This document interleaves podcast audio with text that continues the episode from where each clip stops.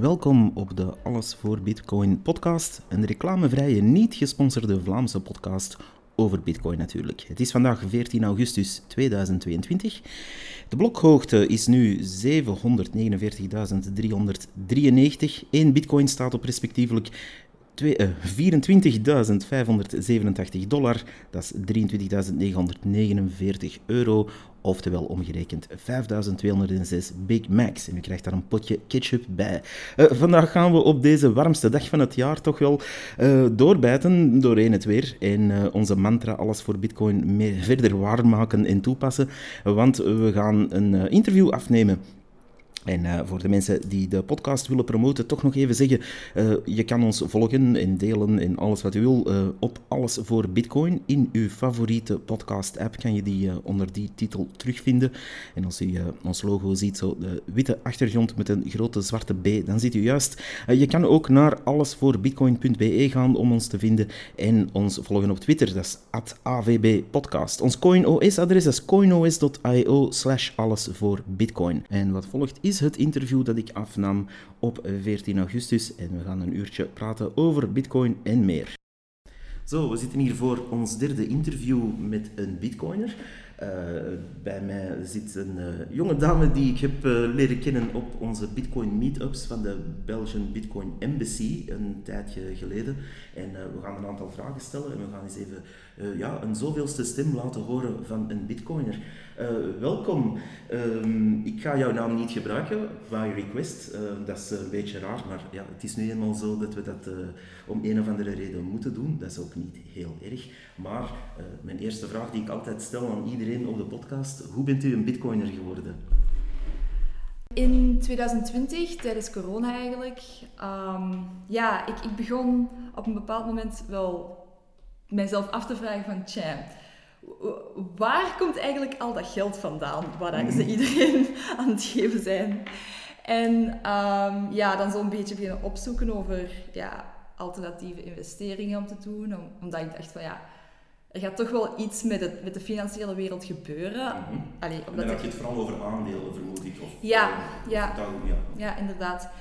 En um, dan, ja, dan ben ik eigenlijk bij Bitcoin terechtgekomen, maar eigenlijk initieel gezien meer als van het investeringsoogpunt. En um, ja, dan ook met Ethereum begonnen, een beetje over de ja, hele cryptomarkt beginnen opzoeken.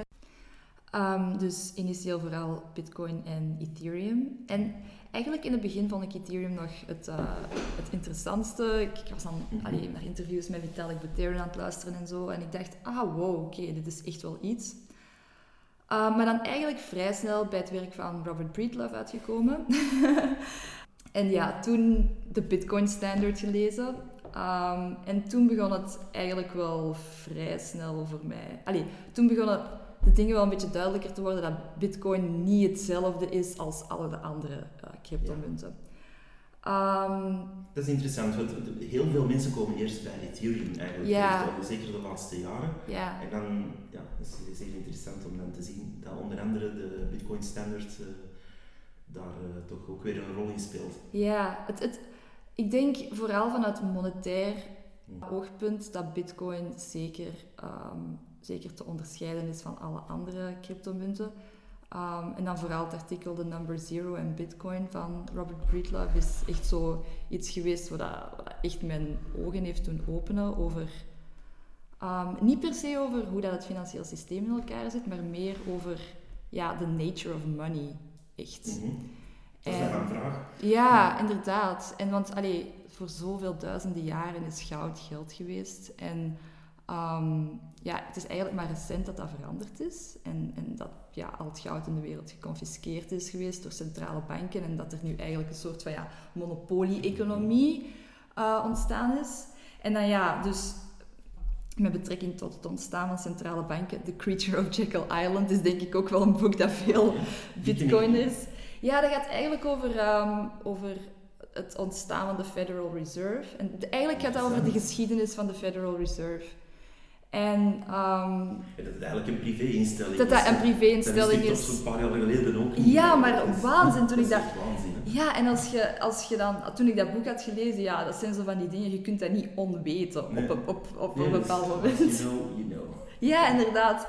En, en het ding was ook, ik, ik heb economie en finance gestudeerd en ik was zo vooral macro-economie en ja, Keynesian economics, dat voelde voor mij altijd super contra-intuïtief aan. Ik was zo iemand die al... Ik, ik, ik leerde al mijn oefeningen uit mijn boek van buiten, ging naar mijn examen en zocht ik de analogie tussen het examenoefening en mm. alle...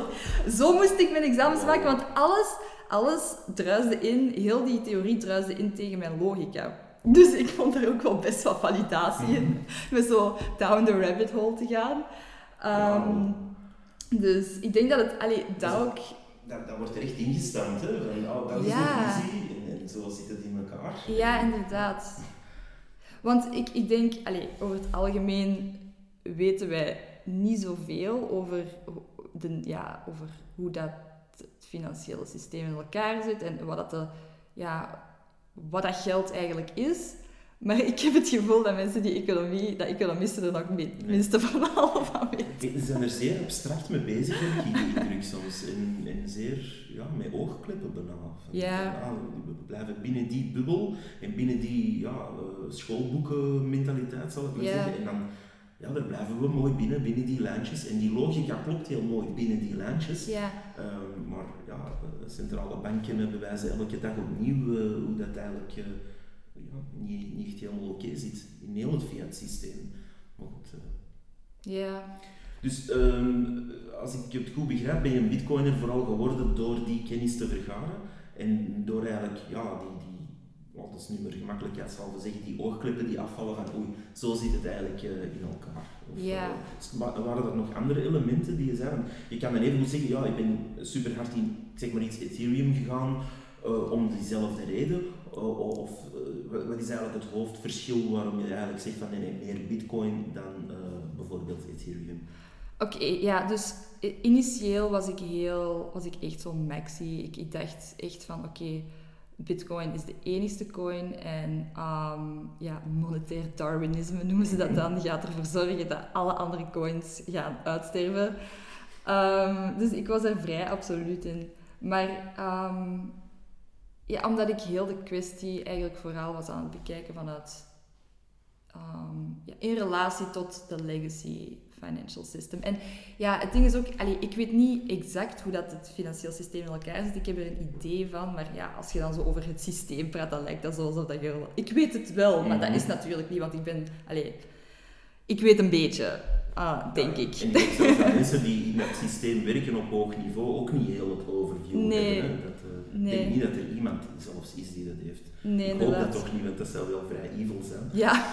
Maar ja, dat, is, uh, dat is een zeer moeilijke, abstracte materie. En ja, nou, dat begrijp ik. Ja, dus, maar als je, als je, cryptowereld, allez, als je de cryptowereld bekijkt in relatie tot de legacy system, dan denk ik wel dat het steek houdt om initieel vooral je ogen op bitcoin te houden. Maar dan was ik eigenlijk aan het denken binnen het kader dat geld een, in, in essentie opslag is van menselijke energie en menselijke tijd. Dat is eigenlijk wat dat goud, de technologie dat goud ons duizenden jaren lang heeft geboden. Het, het, het, het geeft ons de, mogelijkheid om te zeggen van ja, nee, ik ga, ik ga deze ja, energie uit, ja, ik ga die uitstellen naar een, langer, naar een later punt in tijd, waardoor dat ik dan meer dingen kan acquiren. Zo. Um, dus dat, maar dat is eigenlijk wat, dat, wat dat heel veel allee, denk ik, de, zoveel bitcoiners over de, over de streep heeft getrokken van ja, kijk, um, bitcoin mimikt dat perfect. En op een, verbetert dat zelfs nog. Verbetert dat zelfs. En op een manier dat het mogelijk is om die transacties te doen, ja, abstractie maken van ruimte. Mhm. um, maar dan kwam ik eigenlijk met heel veel mensen in contact die, ik deed dan mijn verhaal over bitcoin en die zeiden van ja, kijk, um, ik, ik, ben mee. Hè. Ik denk dat de dingen die je zegt, dat die waar zijn. Maar die hadden er dan toch niet zo het, dezelfde overtuiging mhm. voor als ik. Die gingen bijvoorbeeld... Allee, ehm, ja, die, die, die, waren niet zo van... Oké, het, het houdt heel... Het houdt... Het makes all the sense om al mijn, al mijn assets in bitcoin nu aan te houden. Dus ehm, dan ben ik toch wel beginnen denken van... Oh, tja, eigenlijk, allee, geld, dat is niet iets dat zich dat is niet iets puur logisch voor mensen. Allee, dus, er zijn heel veel emoties mee gemoeid. En het, het, idee dat, of de idee dat iemand over geld heeft, heeft heel veel te maken met iemands persoonlijkheid. En ook bijvoorbeeld de assets. De manier waarop dat mensen zich financieel organiseren, heeft keihard te maken met je persoonlijkheid. En dat heeft... Allee, ehm, dus ook allee, de assets, die, de activa die je kiest om aan te houden. Denk dat de Belg bijvoorbeeld zit... Allee, als je veralgemeent over mhm. België, bijvoorbeeld een huis is iets waar dat België heel, veel, heel veel waarde aan heeft hechten om te hebben. Maar dan ja, ben ik toch wel beginnen denken van ja, kijk, ik ben, ik ben geïnteresseerd geraakt in bitcoin om, omdat ik heel, uh, heel veel mening haalde, betekenis haalde uit um, de, de, waarheid rond het hele systeem te leren kennen. Mhm. En um, voor mij is dat super belangrijk. Ik ben echt zo iemand, ik ben echt zo'n truth seeker. Ik, ik, wil het echt zo, ik wil het echt weten. Um, en ik heb er dan ook veel tijd in gestoken, maar voor andere mensen kan dat compleet absurd lijken dat ik al die moeite daarvoor heb gedaan om, om al die dingen te weten te komen. En die vinden het misschien absurd dat ik mijn tijd niet heb gestoken in, weet ik veel, een zaak opbouwen of zo. Dus allee, ik denk, wat, het punt dat ik wil maken, denk ik, is dat ik heb door Bitcoin een bepaald een bepaalde visie op geld gekregen. Terug gaan naar de eigenlijke betekenis van geld in de zin van goud was geld. En voor iedereen is dat iets anders. En of dat je nu helemaal warm wordt van bitcoin of niet, hangt denk ik heel veel af van je echte persoonlijkheid. Maar, van je persoonlijkheid. Maar, dat gezegd zijnde, hm. is het wel zo dat Oké, ik denk dat er iets beyond Bitcoin is. Ik denk ook dat de, dat de nature of money gaat veranderen. Dat dat niet per se alleen nog een opslag is van menselijke energie of menselijke tijd. Maar ja, dan, dan kom ik... Bijvoorbeeld, ik had... Um, de laatste decennia is er heel veel um, economische waarde gecreëerd door netwerkeffecten. Mhm. En ik denk dat... Dat is zoiets dat wij totaal niet verstaan. Je kunt er wel, er wel bepaalde wetten die dat zo beschrijven, dat zo wet van Metcalfe, wet van Reed, maar eigenlijk het mechanisme daarachter kennen wij niet. En dus, ja, omdat er zoveel waarde wordt gecreëerd door netwerken en het mechanisme daarachter eigenlijk niet verstaan, denk ik wel dat er zeker een waarde ligt in andere, ja, in het feit, in blockchain zelf. Blockchain zonder bitcoin, zal ik zeggen. Ik denk dat we in een nieuw tijdperk daarin zitten, ook op een ander vlak, namelijk dat men geld aan het veranderen is, inderdaad. En dat daar een evolutie in zit, bitcoin zit daar ook wat tussen, maar wat er aankomt met programmable money, ja, men heeft ineens overal het licht gezien en dat is onder andere de verdiensten van Ethereum trouwens, en, en, ook bitcoin uiteraard. Ehm, namelijk, ja, je hebt een blockchain, dat is uitgevonden, dat is al 13 jaar oud nu. Ah, maar nu hebben we door dat je daar contracten op kan gaan uitvoeren, automatisch. Dat je daar programmable doelen kan gaan zetten. En dat komt er allemaal aan, of we dat nu leuk vinden of niet dat komt er allemaal, zowel op Bitcoin als op Ethereum, als op CBDC's, als op uh, alle vormen van uh, andere uh, coins die eraan komen. Dat is allemaal een, een, een evolutie die we nu gaan doormaken. mijn opinie erover is dat de kern van de zaak is, je doet moeite als mens voor iets en je wil daar iets tegenover zien, een beloning of, of een meet. En, en je wil daar ook mee kunnen sparen of iets opbouwen. En ik denk dat er twee krachten spelen. De, de krachten die dat mee helpen opbouwen, zoals bitcoin, en de krachten die dat helpen tegengaan en die net die macht van de mensen af wil nemen. En dat zien we in allerlei vormen, van uh, bepaalde uh, altcoins uh, of shitcoins, wat je het ook wil noemen, tot de CBDC's zelf. Maar dat is mijn persoonlijke opinie, dat die daar eigenlijk ons geld gaan devalueren door daar vervaldata op te zetten of wat dan ook, wat ze er allemaal mee gaan doen dat is een opinie, want als je dan met mensen spreekt die daar dan weer mee bezig zijn en daar pro zijn, die zeggen ja nee, dat gaat niet het geld verbeteren, je kan het beter managen, gaan sturen, je kan die economie gaan managen. Ja, ik ben daar tegen eigenlijk, want ik vind dat die economie zich, uh, ja, zichzelf zoveel mogelijk moet managen. Niet helemaal, maar toch, ben geen pure anarchist, maar toch voor 90% zou dat vrij moeten zijn. Als iemand wil sparen, moet de staat niet zeggen, we gaan u dat onmogelijk maken door uw geld te laten vervallen binnen het jaar. Dus je kan wel sparen, maar uh, ja, er staat een vervaldatum op uw geld. Ik zeg maar een voorbeeld. Um, en op die manier gaat men dan uw vrijheid eigenlijk beknotten. Terwijl dat geld eigenlijk in essentie een deel van uw vrijheid is. En, nou, ik heb een muntje in de Romeinse tijd en het bestaat uit, zeg maar iets, 90% goud. Ja, en ik kan daar een schat mee kopen of wat dan ook. En je hebt ook de vrijheid om dat in een, in een kruik in de grond te stoppen voor later. Dat is een, vrijheid. Ja. Dat is mijn visie erop. Ja, zeker. Allee, er is ook wel een reden waarom dat voor zoveel mensen de weg naar financiële vrijheid gelijk staat aan de weg naar persoonlijke vrijheid. Allee, ik denk dat dat, mhm. dat dat toch wel een grote drijfveer is voor veel mensen om bijvoorbeeld ja, financieel onafhankelijk te worden. Um, maar wat je daar zei over uh, programmable money, ja, je, je, werkt en je wilt iets krijgen voor hetgeen dat je gedaan hebt, dat is denk ik super belangrijk, want het, het probleem vooral denk ik is dat, um, dat er zoveel wordt gelogen over wat dat geld is. En ik, ik weet niet hoe ik het anders moet noemen dan een leugen. Want allee, van, van het punt waar ik nu sta, is dat van oké, vanuit de media hoort je gewoon dingen die niet waar zijn. Ja, klopt. Maar het, het probleem is dat vijf jaar geleden zou ik dat niet gezegd hebben.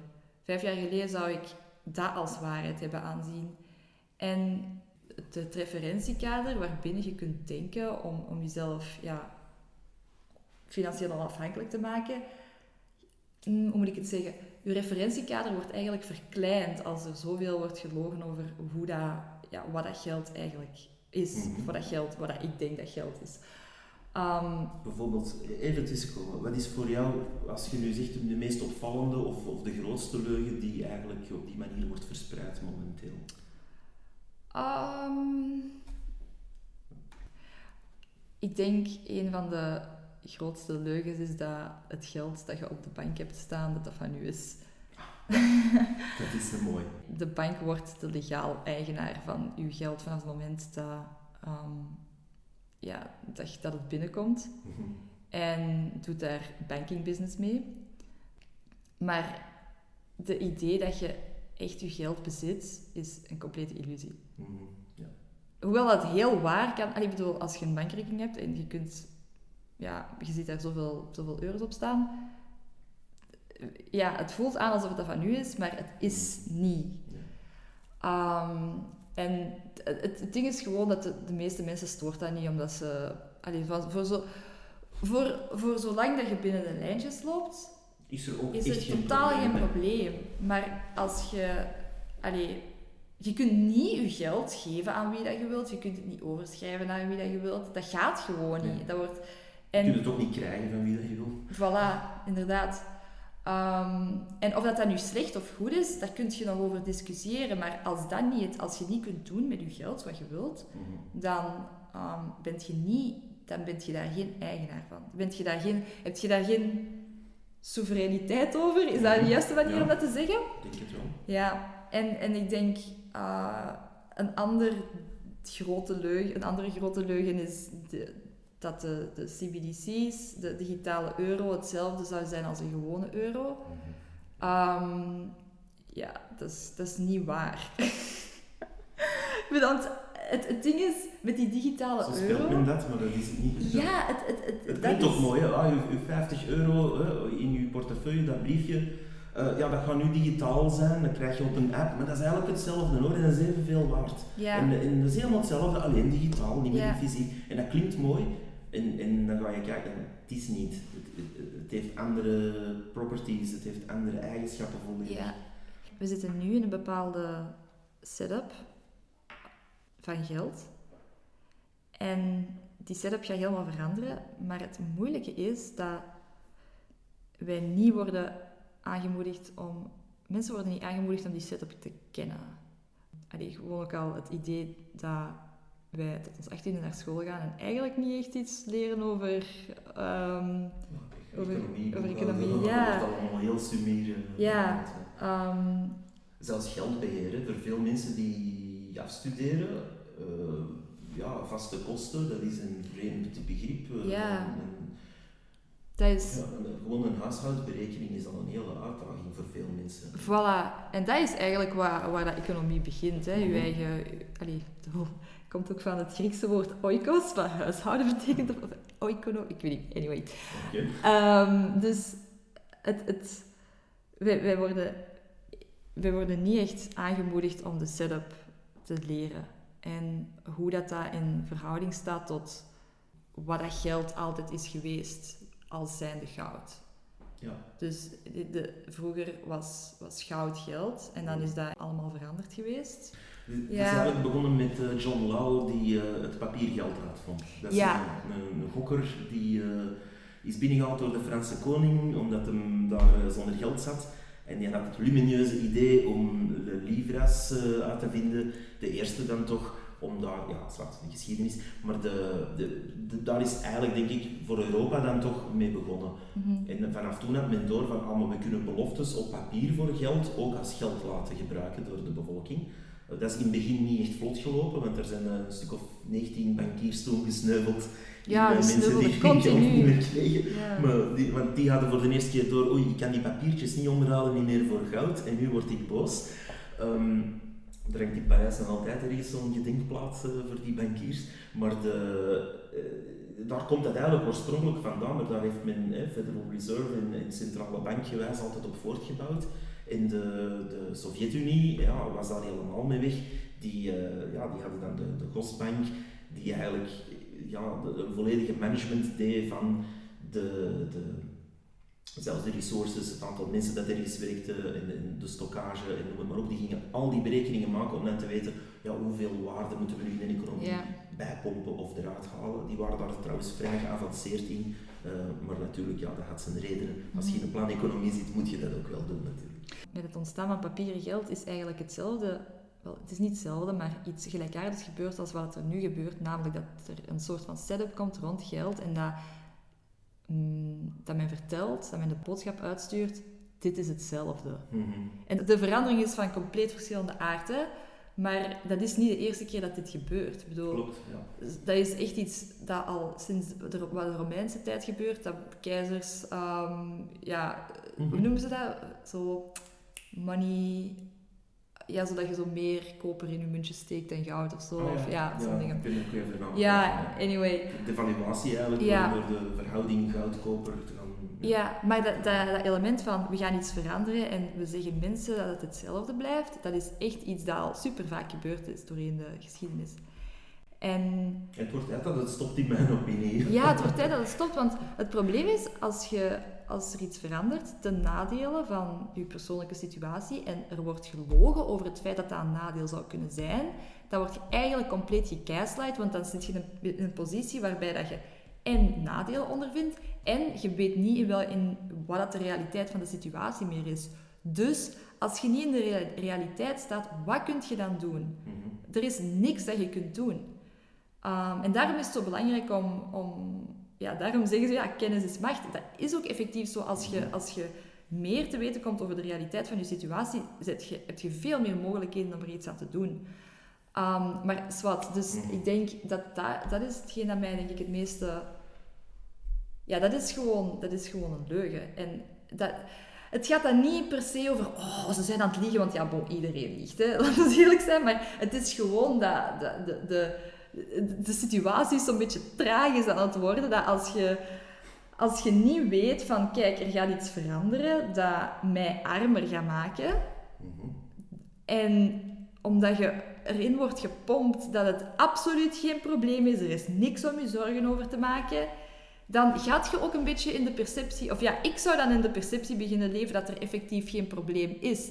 En wanneer dat je dan tien jaar down the line eigenlijk helemaal niet meer zoveel koopkracht hebt als, Mhm. als, als nu, dan, dan, dan is dat zo'n soort van cognitieve dissonantie waar je in terechtkomt. Van, tja, maar alles was toch oké, en Mhm. maar ik heb geen geld. Dat is ook eigenlijk, denk ik, een van de dingen dat ehm, ja, Gen Y een beetje aan het ondervinden is. Allee, ik bedoel, als, we naar de, Ja. als ik naar de generatie van mijn ouders kijk, dat was de boomersgeneratie, die hadden precies veel meer koopkracht. Ja, die Of- hadden dat ook effectief. die hadden dat effectief. ja, En- en-. Ja, en, en maar dan eh, tegelijkertijd... Voor de effort dat men deed toen, kon je echt wel meer kopen. Ja, En eh, ik denk dat dat nu al een aantal generaties eh, aan, het, aan het dalen is. Nu, bepaalde economen willen dat blijven ontkennen, maar ja, als de jongere generatie van nu, ik zeg maar niet, je bent nu bijvoorbeeld 20 jaar en je wilt een huis kopen, ik zeg maar iets in Gent of Antwerpen, ja, dat is een andere situatie. Het Ja. is niet zo simpel meer. ja, En, dat, ja, eh, en dat- daar- daar spelen allerlei factoren in mee.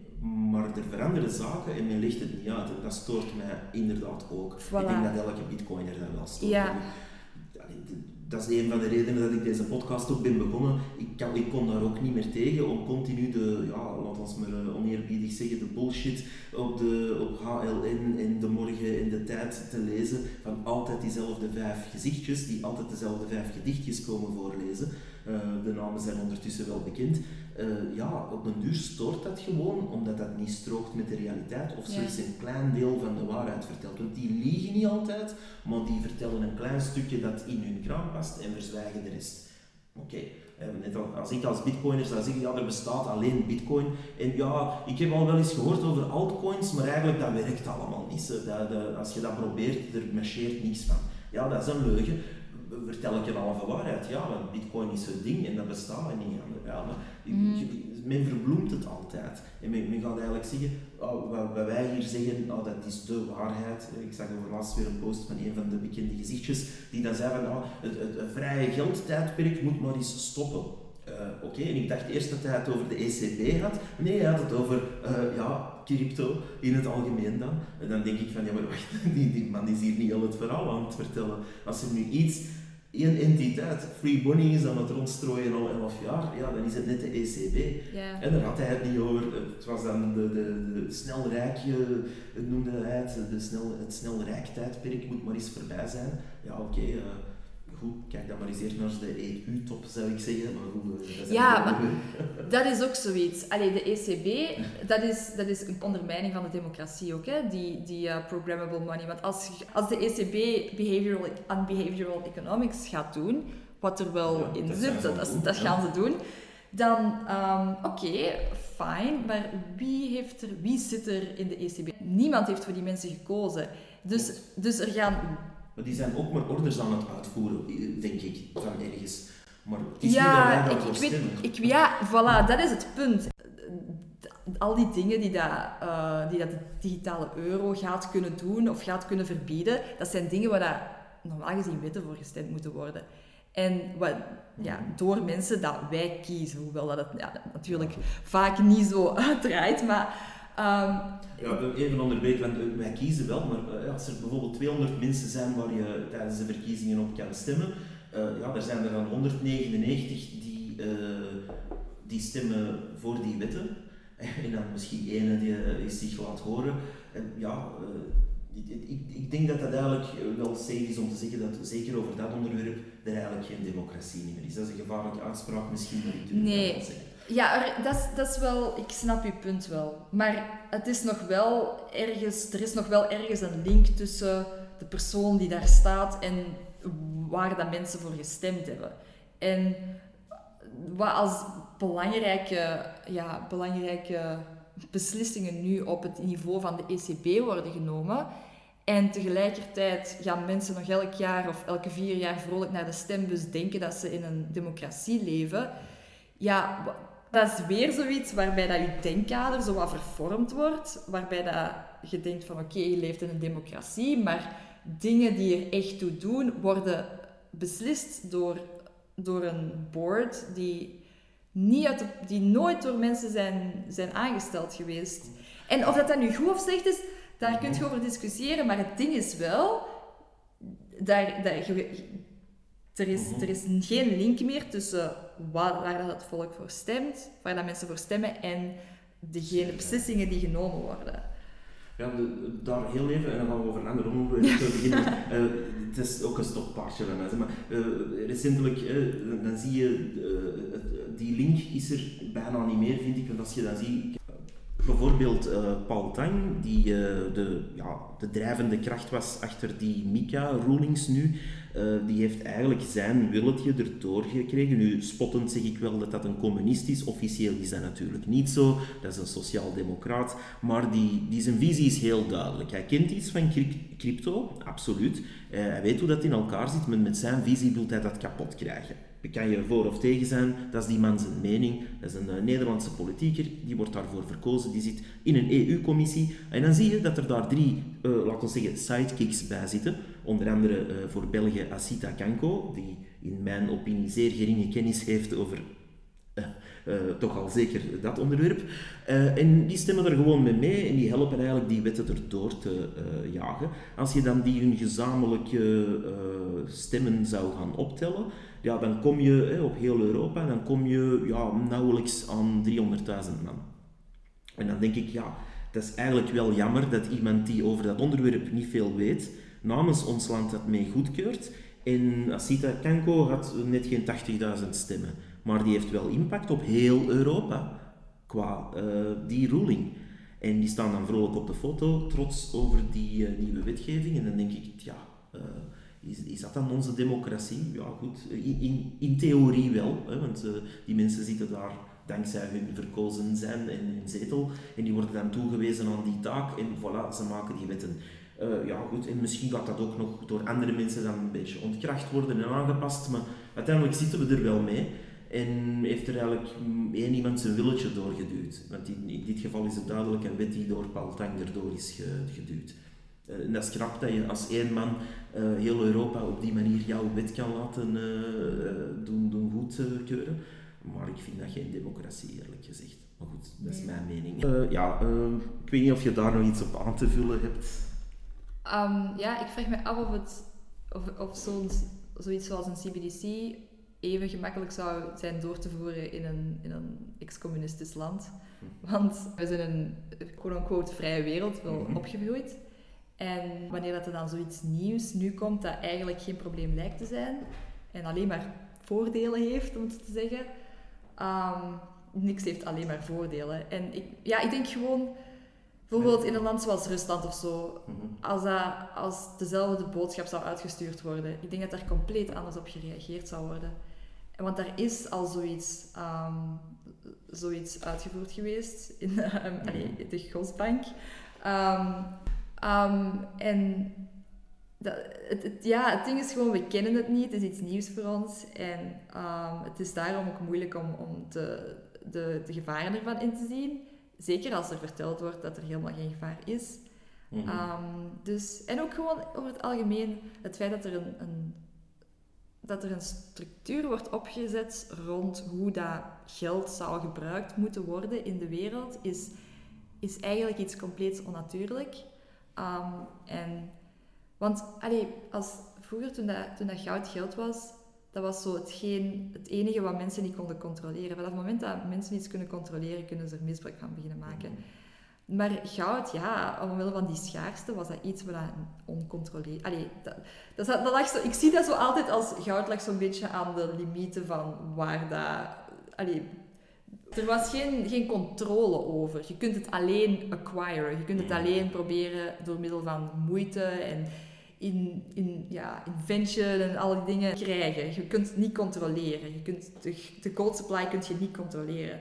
Mhm. En dat is ja, wat de centrale banken nu wel hebben gedaan. Uh, het komt ook op andere niveaus nog, hè, want het is niet alleen die CBDC. Ik denk zelfs bij uitbreiding dat heel het fiat-systeem zoals het nu werkt, ehm, gewoon uh, zo fout zit. Die CBDC komt er nog eens bij op een lager niveau voor onze ja, dagelijkse consumer tokens, wat het wordt. Hè. We, gaan allemaal rondlopen met jetons, uh, bij wijze van spreken, die op de kermis dienen. En als de kermis gedaan is, is de jeton waardeloos. Uh, ja, het equivalent daarvan komt eraan.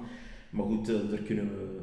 Ja, kunnen we lastig over beginnen doen en dat gaat ook wel gebeuren, denk ik. Ik denk dat er echt wel een backlash tegenkomt als het laat ons zeggen, het nu nog ongeïnformeerde publiek dat door gaat hebben of daarmee geconfronteerd gaat worden. Mhm. En dat gaan we volgend jaar zien, denk ik, als men de eerste uitkeringen en uh, de eerste ambtenaren gaat uh, die dingen laten gebruiken en, en, de eerste uitkeringen daarin uitbetaalt, denk ik wel dat de poppen aan het dansen gaan gaan. Nou, mensen vragen zich af, wat is het probleem? Mhm. Er is geen probleem totdat er een probleem is. Ja.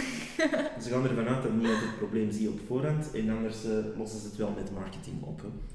Ehm, een vraag die ik nog wou stellen ehm, over uh, jouw, uh, jouw schrijfsels, jouw blogposts. Uh, die gaan ja, voornamelijk over investment psychology.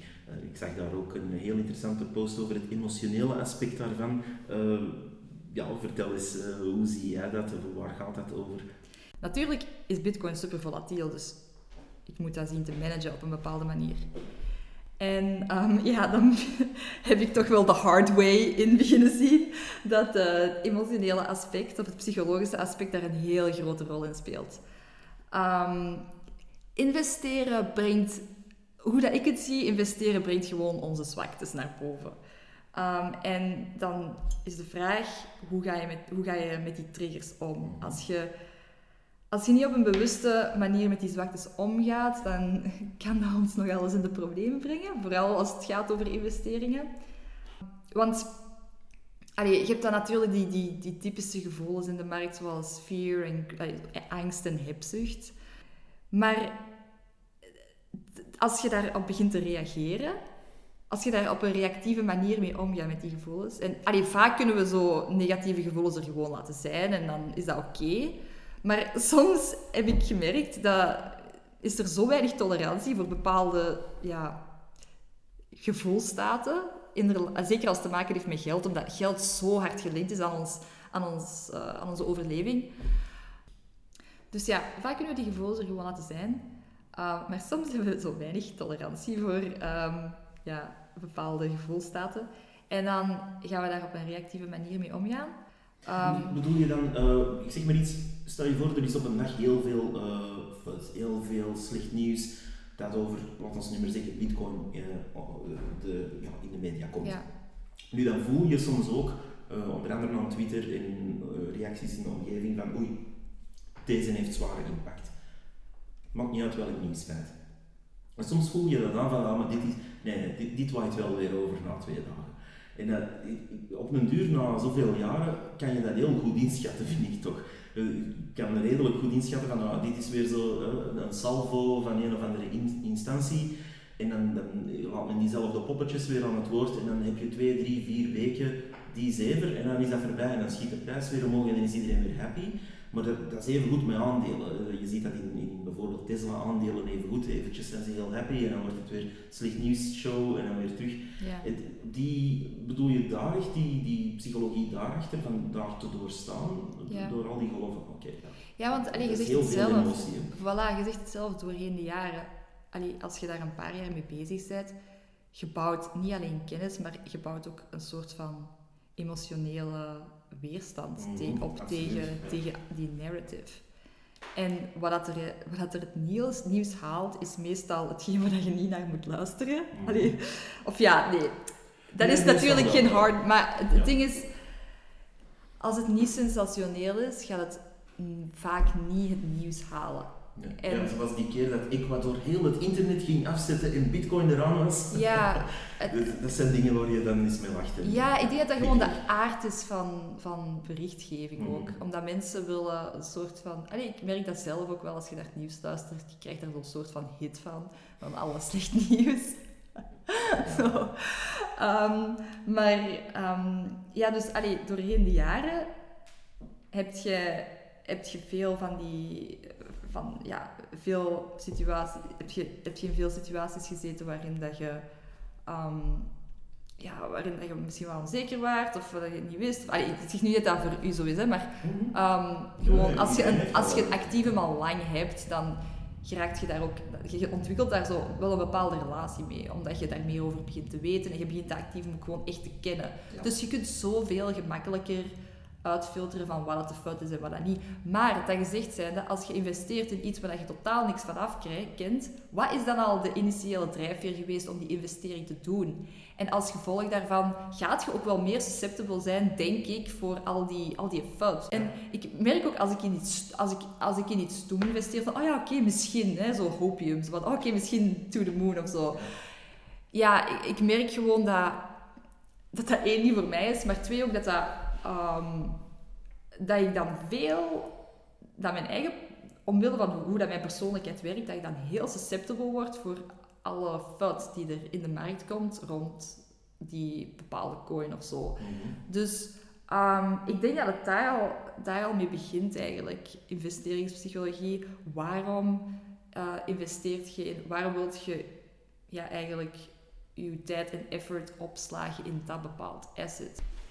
En ja, dat is best een existentiële vraag eigenlijk, want um, ja, dat is, dat is bijvoorbeeld... Men, allez, ik, de reden waarom dat ik zo geïnteresseerd ben in bitcoin, dat is niet zomaar. Ik bedoel, ik ben, dat, dat, heeft, dat heeft echt te maken met wie dat ik ben en het feit dat ik zoveel waarde hecht aan, dat ik zo'n truth seeker ben of zo. Um, aangezien dat iedereen zo anders is, houdt het misschien veel meer steek voor iemand om in goud te investeren of om in aandelen te investeren of niet te investeren, for that matter. Hoewel dat ik wel denk dat um, je geld beleggen meer een must dan een optie gaat worden in de toekomst. Ik denk dat, um, dat, we nu al zover zijn. Ja, we zijn al even zover, maar nu begint het toch wel echt... Um, ja. Degenen die nu nog puur zeggen, kijk, ik heb hier iets bedrag en ik zet dat enkel op mijn spaarrekening, ja, uh, good luck with that. Ja. Uh, natuurlijk, dat hangt er vanaf wat uw doel is. Als je zegt van, oh ja, maar ik wil gewoon een, uh, een buffer hebben, en als er iets stuk gaat, een huishoudapparaat gaat stuk, wil ik dat meteen kunnen betalen van mijn spaarrekening? Ja, dat begrijp ik absoluut. Ik doe dat zelf ook. Maar um, om, om nog enige opbrengst te hebben en uh, voor voor uw latere generaties te sparen. Ehm, de, de, hoop om zeg maar iets, ah, ik ga sparen en dan hebben mijn kleinkinderen er ooit iets aan. Vergeet dat. Die, de devaluatie die eraan komt, de inflatie die er is, de, de algehele verandering van waarde die men opzet, zit 100% in uw nadeel als brave Belg spaarder, zal ik dat dan maar noemen. Iemand die gewoon ja, alles op zijn spaarboekje zet, hangt er eigenlijk aan op dat punt, vind ik. Uh, wat zijn uw ontsnappingsmogelijkheden? Ja, aandelen, uh, een, uh, eventueel vastgoed, er valt nog iets over te zeggen. Bitcoin uiteraard. Maar ja, dat moet iedereen voor zichzelf natuurlijk uitmaken. Want zoals ik altijd zeg, ik zit hier met een clownsneus op en ik ken helemaal niks van financiën, dus ik heb geen, geen raad te geven aan de energie wat ze moeten doen met hun geld. dat moeten we er altijd bij. ja, ja allee, het, is, het is... Ik denk dat oké, iedereen spreekt over compound interest, compounded interest, wanneer het gaat over geld verdienen, maar dat geldt ook voor, allee, als, als je met een x procent inflatie per, per jaar zit, ja, dat compound ook. Klopt. dus, um, maar ja, sommige mensen zijn misschien gewoon veel kunnen hun tijd misschien gewoon veel beter steken in een serieuze cashflow verdienen. Allee, aan cashflow werken en, en geld niet beleggen. Dat kan, hè. Ik bedoel, dat is zo anders voor iedereen, maar ja, ik denk over het algemeen dat het wel um, ja, meer een ding gaat worden of een must gaat worden voor, allee, ja, gewoon voor iedereen om, om, om de activa kant van de balans uh, te ontwikkelen. Mhm. Want um, als je cash als activum aanhoudt, dan gaat je balans totaal jaar na jaar krimpen. Mhm. En bedoel, daar zou een bedrijf ook niet blij mee zijn. um, dus ja, sorry, ik ben ja. Dan nog een, uh, een, vraagje in het algemeen. Waar zie jij uh, Bitcoin nu en dan ja, uh, naartoe gaan op kortere termijn? Dus ik spreek dan over één of twee jaar in de toekomst. Verder in de toekomst zien is ja, puur, puur gokken in mijn opinie. Maar misschien heb je daar een andere mening over. waar zie jij op korte termijn dan naartoe gaan? niet alleen qua prijs, maar ook qua ja, gebruik, regularisatie, technisch en zo verder. Um, ik, wel, in de voorbije jaren is natuurlijk corona een groot onderwerp geweest. Um, maar nu met die CBDC dat eraan zit te komen, denk ik wel dat de kans bestaat dat um, ja, er vraagtekens gaan opkomen bij een aantal mensen. En dan denk ik ook wel dat het een logisch gevolg is. Het, lijkt mij natuurlijk gevolg dat, dat, dat er meer interesse in bitcoin zou komen. Nu, qua prijs denk ik wel, allee, de next pump, dat gaat uit institutionele hoek moeten komen. Ik zie niet direct in hoe dat particuliere bitcoin... Allee, natuurlijk, het kan wel dat veel mensen beginnen investeren, maar ik zie het niet direct vanuit, vanuit particuliere hoek komen uh, als, je, als je naar de prijs, als je over de prijs alleen spreekt. Um, maar ik denk ook wel dat er uit, vanuit um, institutionele hoek meer en meer meer en meer interesse in gaat komen. Zij het, allee, bitcoin zelf misschien, maar waarschijnlijk ja, een ETF of, of je hebt nu ook al, al, al ja, je kunt, allee, je kunt ook aandelen van MicroStrategy kopen, dan heb je ook, kun je ook de prijs van bitcoin mhm. volgen.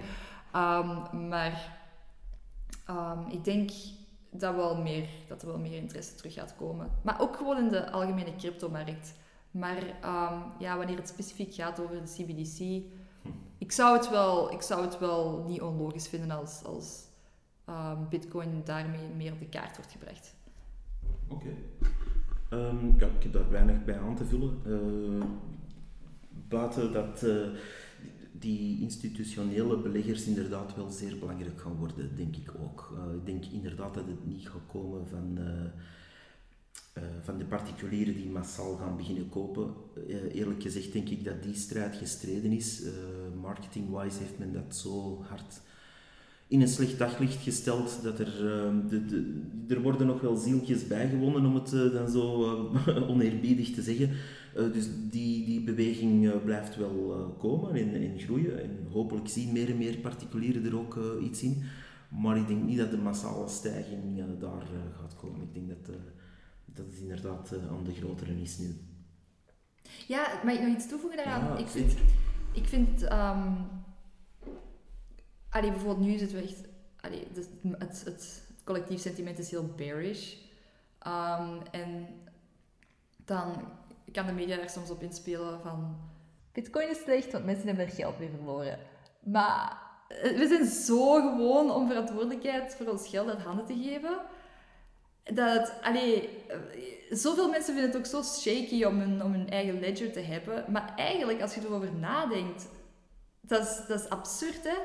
je, de, default state is gewoon om, om je geld weg te geven. Zodat je er zelf geen, um, geen, ja, geen bewaarder van zou moeten zijn. Nu natuurlijk, security-wise is daar wel iets voor te zeggen. Maar ja. Mm, ja, ja. qua security is natuurlijk, not your keys, not your bitcoin. Uh, dat is een beetje een mantra, maar die is wel heel, heel waar. Um, Maar mhm. als je, ik zeg maar iets, bitcoin op, uh, ik zeg maar iets Coinbase hebt staan of uh, Kraken en, en dat staat daar, ja, dan neem je eigenlijk wel een risico. En uh, dat risico is enorm, mm -hmm. in mijn opinie. Maar er zijn andere opinies. Um, denk dat dat ook wel afhangt van wie dat iemand is. Daar heb ik ook wel veel in geleerd van Andreas Antonopoulos, omdat voor sommige mensen is het echt veiliger om um, hun, hun crypto aan een custodian te geven dan om zelf bij te houden. Maar dat zegt toch veel over over hoe niet gewoon dat wij zijn om, ons eigen, om, om geld te hebben, fysiek. Om ja, of paswoorden of codes voor eender wat. Ja, inderdaad. Dus allee, het is gewoon een beetje ja, risk management. Maar dat weer eigenlijk een vorm van... Voor mij hoort dat bij dat deeltje investeringspsychologie. Omdat dat... Um, ja, iets zegt over je relatie met geld, basically.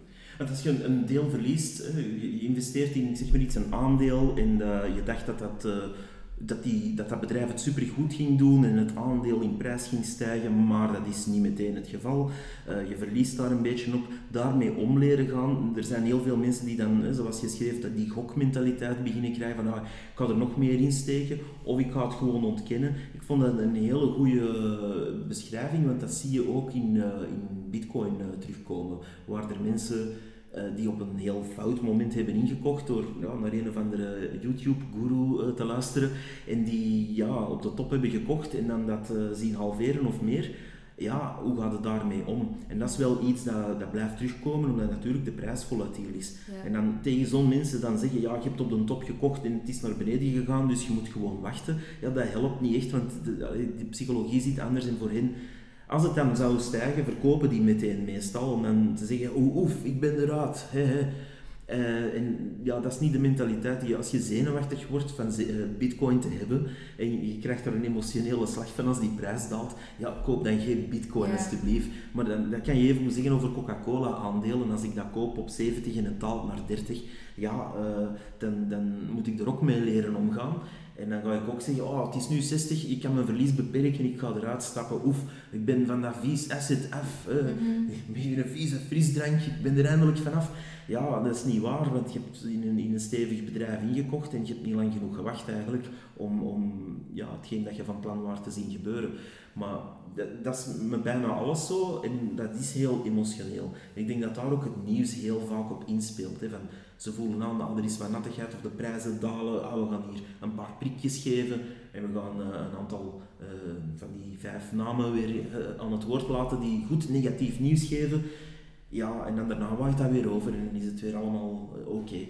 Ja, het ding met crypto is ook, allee, zeker met bitcoin, dat is compleet, daar zit niemand achter. Mhm. Dus als je, als je verliest of, of je hebt een tegenslag, ehm, ja, je hebt niemand om kwaad op te worden eigenlijk, buiten jezelf. En ik bedoel, als je, als, als u, als u, als uw financieel adviseur u een, eh, of als iemand bij de bank u een, u een portefeuille aansmeert en, en dat, dat daalt in waarde, je kunt tenminste nog kwaad zijn op die persoon. Mhm.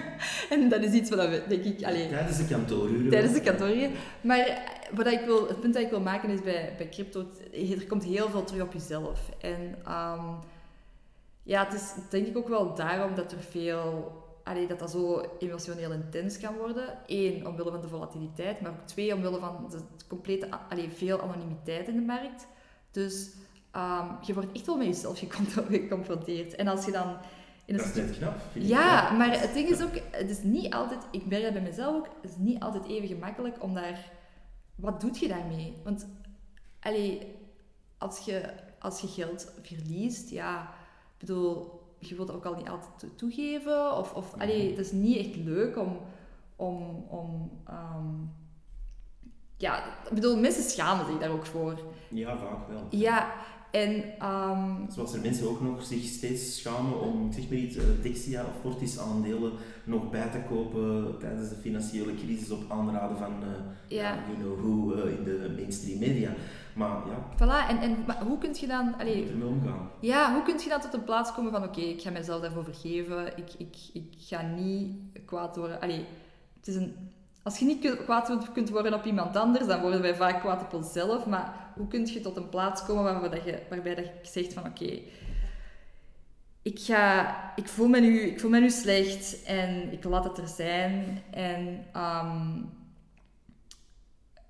het gevaar is soms dat als je heel weinig tolerantie hebt voor de gevoelens die naar boven kunnen komen bij tegenslagen in de markt, dat je die reactiviteit terug gaat koppelen naar je portfolio en dat je dan een soort van ja, in revenge trading Mhm. Ehm, noemen ze dat wel, eh, gaat doen. Of, of ook gewoon, ja, je bent gestrest, dus mensen, denken niet, ma- mensen maken niet hun logische, het meest logische beslissingen als je, als je onder extreme stress staat.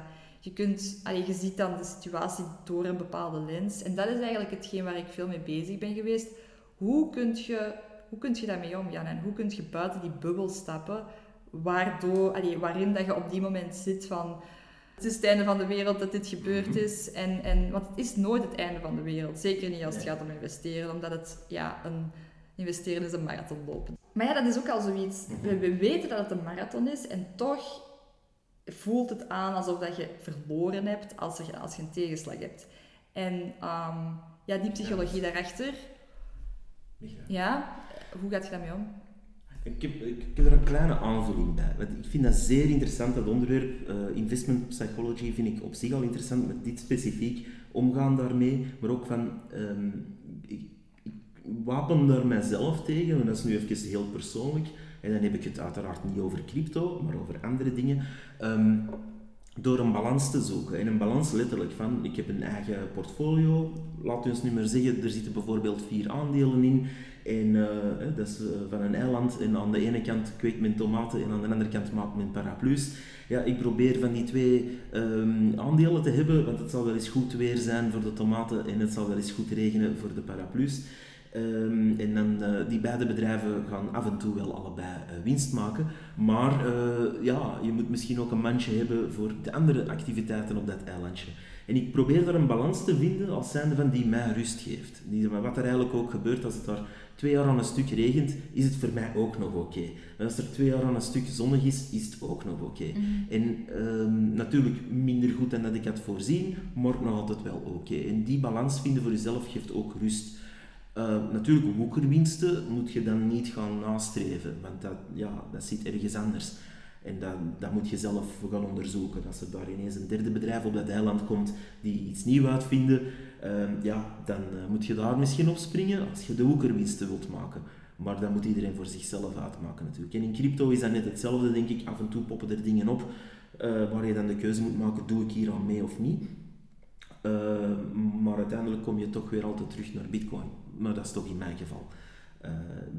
het emotionele bouwt op na een aantal jaren, maar als je naar die balans zoekt, geeft dat wel rust. Maar dat is ja, mijn aanvulling daarop. Ja, en, en inderdaad. Allee, en die balans gaat voor iedereen anders zijn. En ik denk, um, daarom is dat ook... Allee, je hebt wel die best, je hebt wel best practices in, uh, in vermogensbeheer, natuurlijk. Um, maar ik, ja, ik denk dat het voor iedereen gewoon belangrijk is om, om zo um, iets te zoeken dat, dat, waar dat ze zich goed bij voelen. Ja. Allee, het gaat, allee, je natuurlijk ook. En, en dat, dat je...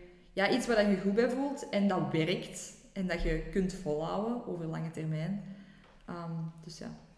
En een allerlaatste vraag die ik wilde stellen. Uh, in het algemeen qua Bitcoin community of qua uh, een specifiek over België, uh, hoe voel jij dat aan?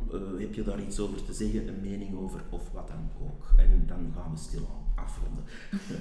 um, dus in het begin, um, toen, ik, toen ik daarmee begon, was er eigenlijk vrij weinig um, had ik vrij weinig fysiek contact met andere bitcoiners. Omdat het ding, allee, alles speelde zich voornamelijk online af. Natuurlijk, het was ook corona, dus ja. allee, dat had er ook wel heel veel mee te maken. Um, maar nu de laatste tijd, ja, ik heb toch wel het gevoel dat er een beetje um, aan het gebeuren is rond bitcoin in België. Of ja, in Vlaanderen dan vooral. Um, maar het is heel, heel uh, gering. En ik denk niet dat er zoveel zo'n community is in België, om u tegen te zeggen of zo. Um, ja. Ja, eh, dat is ook een van de redenen dat ik deze podcast doe. Die community moet, uh, denk ik, meer tanden laten zien af en toe. Uh, zeker als we zien dat er onze wetgevende macht niet altijd kort op de bal speelt, om het zacht uit te drukken, of de verkeerde richting uitgaat, in mijn opinie. Maar ja, als je daar geen netwerk, geen community, geen macht hebt aan de andere kant, en dan komt dat netwerken weer boven, of dat, dat, het, het, macht hebben van, oh, kijk, wij staan hier voor, zeg maar iets 200.000 mensen, ja, dat is iets anders dan dat je voor 20 man spreekt. En dat, uh, daar moeten we echt wel aan werken, denk ik, want momenteel ja, is eigenlijk hetgeen dat uh, in bepaalde krantjes komt, en die twee, drie mensen die daar een grote clip op zetten, ja, die hun wil is blijkbaar wet. En met de echte bitcoiners wordt nauwelijks of niet gepraat. En daarom zit ik ook hier. Ik wil de stem van bitcoiners laten horen. Want anders, uh, ja, wie gaat het doen? Uh, eh, HLN komt u waarschijnlijk niet interviewen over bitcoin. Uh, en als dat wel zo het geval is, ja, chapeau. ze zijn welkom, vermoed ik. Maar ja, het, het, het, is gewoon... ik vind het vrij triestig gesteld qua community, momenteel nog. Maar chapeau aan de mensen die daar aan, aan het werken zijn om daar, uh, en ik bedoel niet mezelf, maar vooral in de eerste plaats de Bitcoin, uh, Belgian Bitcoin Embassy, om daar ja, meetups te doen. Uh, ik zie ook beweging meer en meer gelinkt aan de Nederlandse vrienden die daar mee bezig zijn. Dus er beweegt wel wat in de goede richting. Dus dat is zeker iets dat me sterkt daarin. Maar uh, verder, ja, er is, er is weinig community, omdat het ook hush-hush altijd is geweest. Er waren wel heel veel mensen die bitcoin hadden, maar daar dan weinig over zeiden. Ook politici, politici die daar... Ja, er zijn heel weinig politici die openlijk durven uitkomen van ja, ik heb bitcoin. En, en ja, dan is het andere probleem. Hè. Stel, ik ben een politieke voor partij X, Y, Z en ik heb veel bitcoin. Ja, wat ga ik doen? Ja, uh, ofwel maak ik mij bekend als bitcoiner en dat heeft een heleboel gevolgen afhankelijk van in welke partij dat je zit. Uh, ofwel uh, ja, blijf ik stilletjes uh, en hoop ik dat de prijs omhoog gaat. ja, maar dat heeft ook zijn gevolgen. Dus ja, ik, ik roep die mensen op en ik doe dat bijna ja, om de zoveel podcasts van maak u bekend en doe mee aan het debat alsjeblieft. Mm Ik denk dat we daar ongeveer kunnen afronden. Um, heb jij nog opmerkingen, vragen of dingen die je nog wou chillen of zeggen?